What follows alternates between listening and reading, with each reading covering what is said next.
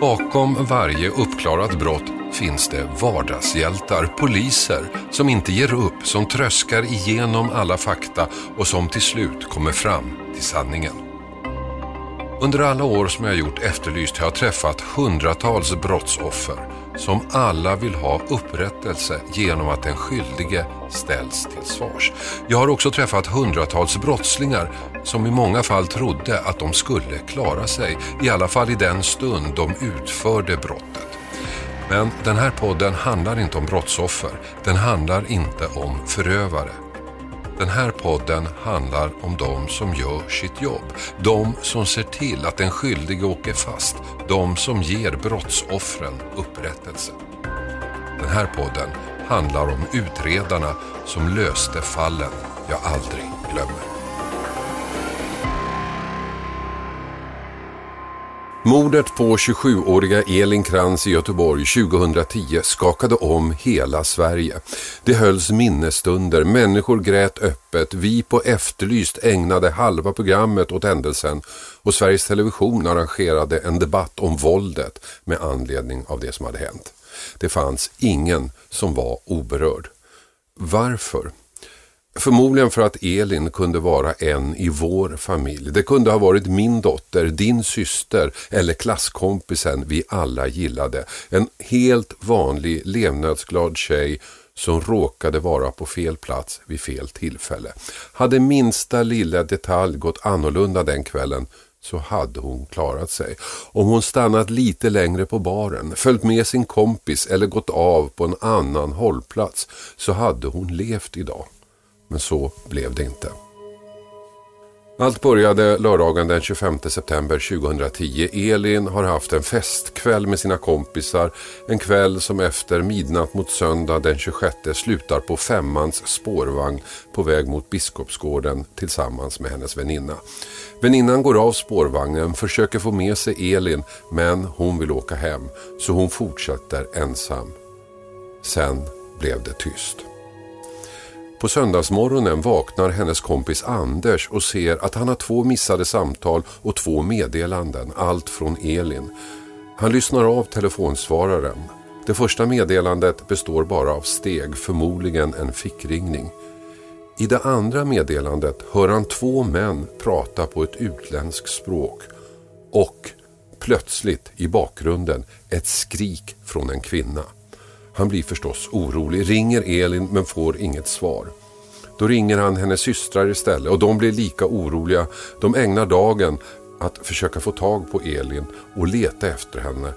På kvällen inser de att något allvarligt har hänt och ringer polisen. Nu startar polisutredningen och det blir en utredning präglad av ren professionalitet kombinerat med tre tillfällen av ren tur och ett misstag. När polisen får anmälan tar man den på allvar direkt. Folk försvinner ibland, oftast kommer de tillbaka. Men här förstod polisen att någonting allvarligt hade hänt och fattar ett avgörande beslut. Att ta in övervakningsfilmen från spårvagnen. Filmerna sparas bara 24 timmar så på måndagen hade den raderats. Och det här beslutet blir helt avgörande. På filmen ser man hur Elin sitter ensam på spårvagnen förutom en mörkhyad man i röd keps. Hon går av på Temperaturgatan i Länsmansgården, inte alls den hållplats hon skulle till. Mannen i den röda kepsen går av på samma ställe. Sista spåret av Elin. Och samtidigt söker man rent fysiskt efter Elin. Nu när man sett var hon gått av någonstans vet man ju också vad man ska söka. En hundpatrull skickas till platsen på måndagen. Det tar inte särskilt lång tid innan hunden hittar hennes mördade och gömda kropp. Den ligger under flera stenblock. Det tyngsta vägde 86 kilo. Kroppen var hopvikt på ett onaturligt sätt och saknade kläder på underkroppen. Upptäckten blir naturligtvis en stor sak i media och här kommer det första tillfället av tur. En kvartersvärd på Väderilsgatan hör av sig. Han har hittat kläder slängda i en sopcontainer Och nu när han hör om vad som har hänt Elin så ringer han polisen som åker dit. Och det är Elins underkläder och hennes handväska. Dessutom hittar man herrkläder, ett par jeans, en t-shirt och ett par strumpor. Och nästa dag är det dags för nästa moment av tur kombinerat med professionalitet. Polisen har ju filmen med mannen med kepsen men man har ingen aning om vem det är. En okänd man i en storstad. Det kan ju ta evigheter att hitta honom. Så en av utredarna ringer sin man, Anders, som också är polis. Han jobbar på ungdomsgruppen och har egentligen ingenting med utredningen att göra. Men han får se bilden och tillsammans med sin kollega åker han till centralstationen i Göteborg. Och det tar inte lång tid så får de syn på en person som de tycker liknar mannen från filmen. De beslutar att ta in honom. Han heter Efrem Johannes, är 22 år och tvåbarnsfar. Han medger att det är han på bilden från spårvagnen men han säger att han var full, att han går av på samma hållplats som hon men går hem. Utredarna tror honom inte. Kläderna man hittat på en annan plats passar honom. Dessutom har han ett elektroniskt lås i huset där han bor och loggen visar att han inte kom hem förrän en och en halv timme efter att han har gått av spårvagnen. Och det här räcker för att häkta honom och åklagaren beslutar om husrannsakan och här kommer det andra momentet av tur. Hos honom hittas bland annat kalsonger i tvättkorgen som han tar i beslag. Den 22-åriga man som är misstänkt för mordet på Elin Krantz på Hisingen begärdes idag häktad. Vi har en person häktad på sannolika skäl för mord. Har det framkommit något nytt i utredningen? Eh, inte under förhandlingen nu, men eh, vi får ju nya tips varje dag och vi jobbar ju varje dag så det framgår. Han förhörs och han förhörs. Men han håller fast vid sin historia. Han var full, inget hände. När förhörsledarna konfronterar honom med nya uppgifter som att det tog en och en halv timme att komma hem från spårvagnen så ändrar han sin historia. Han somnade på en bänk på vägen hem. Efter flera månader i december har polisen säkrat DNA på de kläder som han hittat och som är hans, Elins DNA. Nu sitter han i knipa. Men samtidigt begås ett misstag. Johannes får veta om samtalet till Elins kompis Anders där två män hörs prata samtidigt som en kvinna skriker i bakgrunden. Och nu, i det trettonde förhöret, kommer en helt ny version. Nej, han gick inte direkt hem.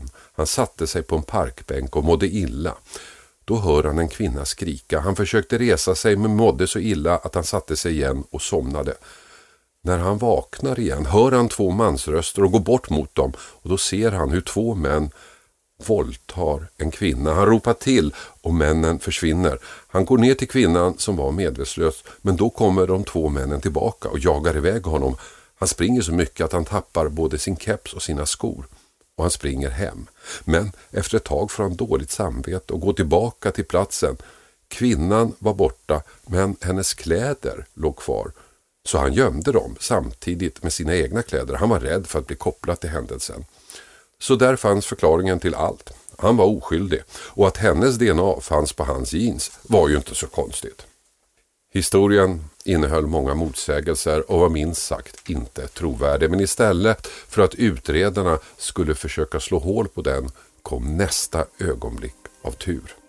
Analysen av kalsongerna som beslagtagits hemma hos Johannes var klar det var en besvärlig och mycket svår analys men till slut lyckades kriminalteknikerna. Det fanns en fläck på kalsongerna som hittades i Johannes tvättkorg hemma. En fläck som visade sig bestå av sekret från Elin. Och det räckte. Tingsrätt och hovrätt var eniga. Hans historia höll inte. DNA-fläcken på kalsongerna blev avgörande. Efrem Johannes dömdes till 16 års fängelse och utvisning för mordet på Elin Krantz. Förundersökningsledare och åklagare i fallet var Stina Lundqvist i Göteborg.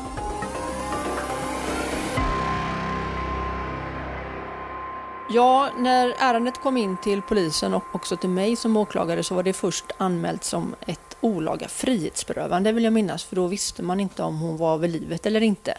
Men det ändrade sig ganska snabbt. Jag kommer ihåg, hur fick du med det? Hur fick du information? Nej, men jag fick bara information att det var en, en, kvinna som hade försvunnit och att jag skulle hantera det. Men sen gick det ju ganska fort för då hittade man hittade ju henne på kvällen efter det att hon försvann och då drog ju allt igång.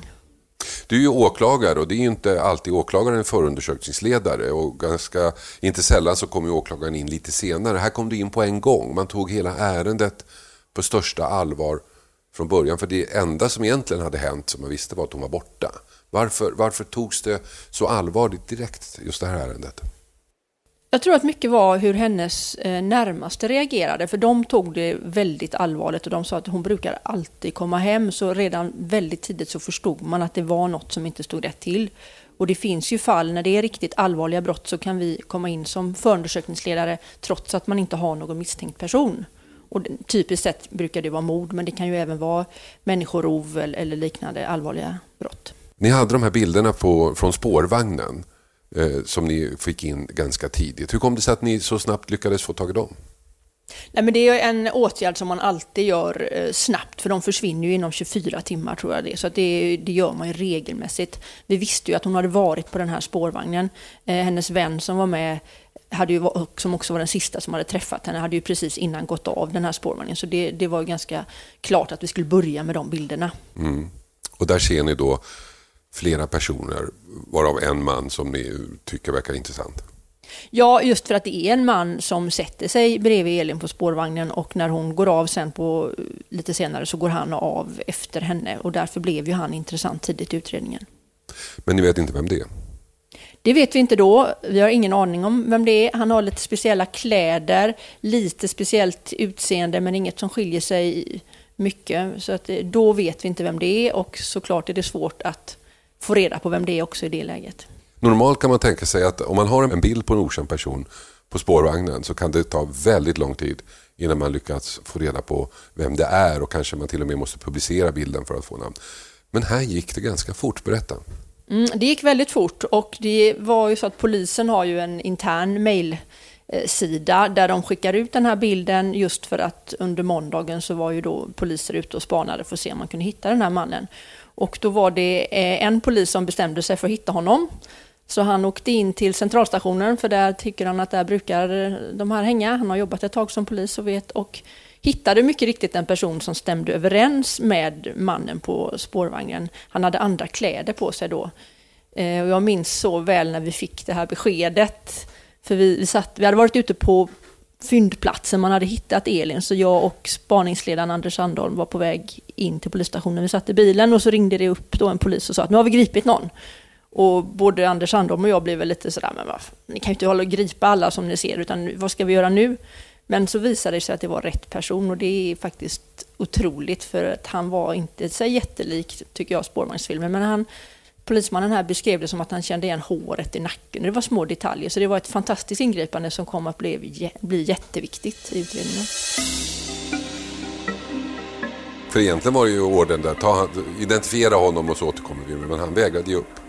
Han tog in honom på, av andra skäl. Ja, jag för mig när han berättade att det var inte ens hans arbetsuppgift den här dagen utan han bara tog med sig en kollega och bestämde sig för att nu ska vi hitta honom. När träffade du honom första gången? Eh, den misstänkte? Mm det var ju vid första häktningen som då var, nu kommer jag inte ihåg vilken dag, men det var ju ett par dagar efter han eh, plockades in då, så det var första gången jag mötte honom. Vad fick du för intryck? Nej, men det första intrycket när, när, han var inhämtad var ju att det här var en familjefar, han hade två små barn, man hade haft barnkalas samma dag. Eh, vi var lite tveksamma till om, de, om det var rätt person. Men sen när han berättade själv att han hade åkt spårvagn den här natten, precis en tid som stämde, då började vi väl tänka lite mer att det kanske ändå är rätt person. Och sen blev det väl avgörande när vi var hemma hos honom och vi inte hittade den här jackan. Han hade en väldigt speciell blågul baseballjacka och den jackan var borta. Mm. Och han kunde inte förklara vad den var. Och det visade sig också att han hade kommit hem ett par timmar senare än sin fru på natten och varit ute och festat. Och då kände vi att det här, det känns som det är rätt kille. För ni kunde kolla då på, de hade ett elektroniskt låssystem så ni kunde se precis när han kom hem? Ja, dels kunde vi se när han kom hem och sen hade vi även då via förhör med hans fru och, och några andra som också hade bott i lägenheten som bekräftade att han hade kommit hem i vid en tid som stämde överens med mordet. Vad sa han själv? Nej, men han har ju förnekat, han, han visste ingenting om detta inledningsvis. Och vad, vad, vad, vad tänkte du då som åklagare, vad behövde du för att, för att få kunna gå vidare för att kunna väcka åtal? För du hade honom, du hade en historia som inte riktigt höll, du hade bilder från tunnelbanan eller från spårvagnen men det räckte kanske inte. Nej, vi hade ju ingenting från själva brottet så där behövde vi antingen då vittnen eller teknisk bevisning som ju alltid är bra. Och där hade vi ju lite tur kan man väl säga för att på söndag dag, alltså dagen efter eller under dagen hon försvann så fick vi kontakt, polisen fick kontakt med en eh, vaktmästare i ett bostadsområde någon kilometer bort från brottsplatsen som hade hittat Elins väska och strumpbyxor och liknande i en soptunna. Och då förstod vi ju att allt inte stod rätt till och då gick vi ju igenom alla soptunnor som var runt omkring det området som då var någon kilometer bort från brottsplatsen. Och där hittade vi kläder som vi kunde se från foton från spårvagnen att de med allra största sannolikhet tillhörde gärningsmannen. Och de kläderna kom att bli viktiga. Eh, dels att de var väldigt jordiga, det visar ju sig att han hade gömt henne under stenar sen, men vi hittade ju hennes DNA på de kläderna. Och så småningom, det tog lång tid, så kunde vi även hitta hans DNA på de kläderna, för han förnekar ju att det var hans kläder. Mm. Ja, han, hans historia var ju att han var full på spårvagnen och sen så vaknade han och så gick han hem. ja, han satt och sov på en bänk var hans första version, det var därför han kom hem så sent. Och sen kom då en annan version lite senare. En sak som, som också var lite mystisk i det här sammanhanget det var det här telefonsamtalet som en av Elins vänner fick där man hör två män eh, prata på, i, i, ett meddelande som fanns i hans telefon. Två män från Elins telefon. Alltså hur, hur tänkte du då när, när ni fick höra det här? För ni hörde aldrig själva den, han raderade meddelandet, han berättade bara om det. Precis, och det där jäckar ju oss och gör egentligen fortfarande, för vi vet inte vad det var. Eh, hon har ju förmodligen fickringt till en kompis som berättar själv att han var sjuk och hade feber och det här var tidigt på morgonen. Och han berättar ju hur han hör då på det här meddelandet hur Elin, tror han då, skriker. Och lite närmare telefonen så berättar han att han hör två män som pratar men han kan inte höra vad de säger. Vi har ju aldrig hört det här samtalet för han raderar ju det av misstag och sen gick det inte att återskapa. Så att det är ju hans uppgifter så man vet ju inte att det stämmer till 100% men det är klart att det kan finnas förklaringar. Eh, för det är en sak jag undrar. Eh, så småningom, jag tror det är förhör 13 eller någonting så här, så ändrar då den misstänkte sin berättelse från att han inte har någonting med det här att göra så, så, så, är det en berättelse som handlar om att han ser två män eh, våldta Elin. Visste han då om det här samtalet? Han, han får höra här, den här versionen av att det är två män som pratar på Elins telefon och då kommer den här historien med de här två männen. Så vi upplevde att han anpassade sin version allt eftersom han fick ny bevisning och det var ju det som gjorde att vi inte trodde på honom. Men det var ju inte så att det var helt självklart från början utan vi, vi fick ju fortsätta att leta bevis för att eh, vara säkra på att det var han. Men ni var ju också tvungna att, att analysera hans historia för att se om den möjligen också kunde mm. finnas någon sanning i den. Det gjorde vi och vi gjorde en så kallad rekonstruktion. Vi var ute på platsen med den misstänkte och han fick visa precis hur det gått till. Polisen var med som då figuranter som det kallas, att de fick då vara de här två männen. Och då var det flera saker som inte gick ihop i hans historia. Bland annat det här då att hans jeans som vi hittade var väldigt, väldigt leriga. Eh, och den leran fanns runt de stenarna där Elin sen var begravd och inte någonstans där han visade hur händelsen hade gått till. Det fanns bara gräs där. Så att det var en detalj, men det, det var flera saker som inte gick ihop. Och sen hade ni det här DNA som du pratar om, berätta om det. Ja, det var ju väldigt viktigt. Eh, och en viktig faktor till att vi grep honom så tidigt, det var ju att då kunde vi göra en husrannsakan i hans bostad och då hittade vi i tvättkorgen, och det kanske inte hade legat där så länge annars, hans kalsonger som vi undersökte. Och då hittade vi ju Elins DNA på de kalsongerna. Och från början var det en ganska låg sannolikhetsbedömning eh, som gjorde att det var hans, men sen kunde man då höja upp det till den allra högsta att det i princip var, ute, eller att det var hennes DNA och det var väldigt viktigt att vi hittade hennes DNA på hans kalsonger. Hur viktigt var det? Jag skulle säga att det var avgörande, men inte ensamt avgörande. Men när vi fick det, då kändes det som att det här är rätt och det här kommer att gå bra. Men med tanke på hur det här mordet gick till, hur han sen gömde kroppen och sånt där, borde det inte ha funnits mer? Tänkte du aldrig så att det borde ha funnits mer DNA från henne på honom? Jo, det kan man ju tänka, för det som man hittar på kalsongerna kunde man på, på NFC då säga att det var sekret, så att det, det, var inget att hon bara hade tagit med handen. Och Jag påstod ju att han hade våldtagit henne, nu dömdes han inte för det och det är klart att då avsätter man ju DNA. Men, men det var eh, uppenbart att det var väldigt svårt att hitta DNA och vi vet inte riktigt varför. Det var svårt att hitta hans DNA på hans kläder men vi hittade det till slut också. Det kan ha haft att göra med att det har legat ute, det har varit blött, det, det förstörs men vi hittar inte så mycket DNA. Det här mordet väckte ju väldig uppmärksamhet i Göteborg. Det, det, det var många som reagerade, hölls minnesstunder och sånt där. Var, var det någonting som så att säga påverkade ert arbete? Nej, egentligen inte. Vi, ett mord är alltid ett mord om man säger så. Det, det är allvarligt. Sen är det klart att när det gäller en helt oskyldig person som inte har gett sig in i kriminella kretsar och inte utsatt sig för några risker så det är klart att det känns extra viktigt att lösa det och det här kändes som att det här måste vi lösa. Hur kände du då när, när, när ni fick domen? Det kändes väldigt, väldigt bra.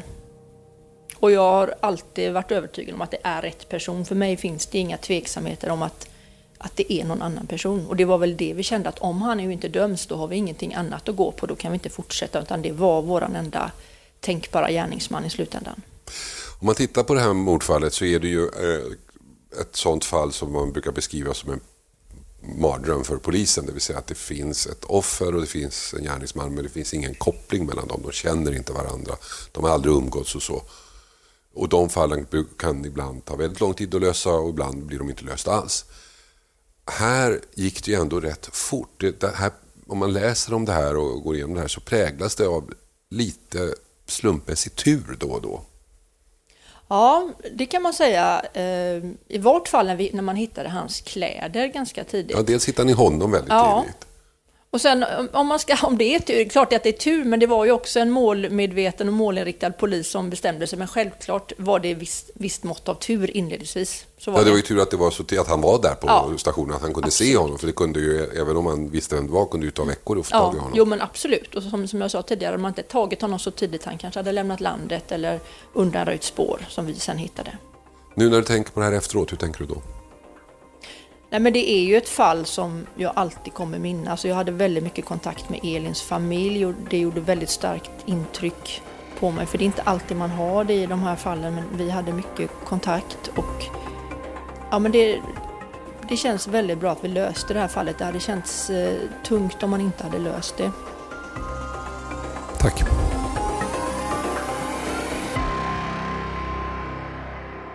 Det finns ett efterspel, en epilog i fallet om Elin Krantz som är väldigt osmaklig. Eftersom det var en invandrare som mördade Elin användes fallet av främlingsfientliga krafter i deras propaganda. Bland annat använde de bilder på Elins kropp. Så i sina försök att verka upprörda över övergreppet på Elin utsatte de henne för ännu ett övergrepp genom att sprida bilderna och utsatte hennes familj också. Familjen som ville minnas Elin som hon var när hon levde, inte som hon såg ut när hon var död. Och det där är ett övergrepp som fortfarande pågår. Så tråkigt, så smaklöst, så typiskt de här krafterna. Produceras av I Like Radio. I like radio. Nyhetsklippen i det här avsnittet kommer från Sveriges Radio. Poddtips från Podplay. I podden Något Kaiko garanterar östgötarna Brutti och jag, Davva, dig en stor dos skratt. Där följer jag pladask för köttätandet igen. Man är lite som en jävla vampyr. Man har fått lite blodsmak och då måste man ha mer. Udda spaningar, fängslande anekdoter och en och annan arg rant. Jag måste ha mitt kaffe på morgonen för annars är jag ingen trevlig människa. Då är du ingen trevlig människa, punkt. Något kajko, hör du på podplay. Därför är gardinerna.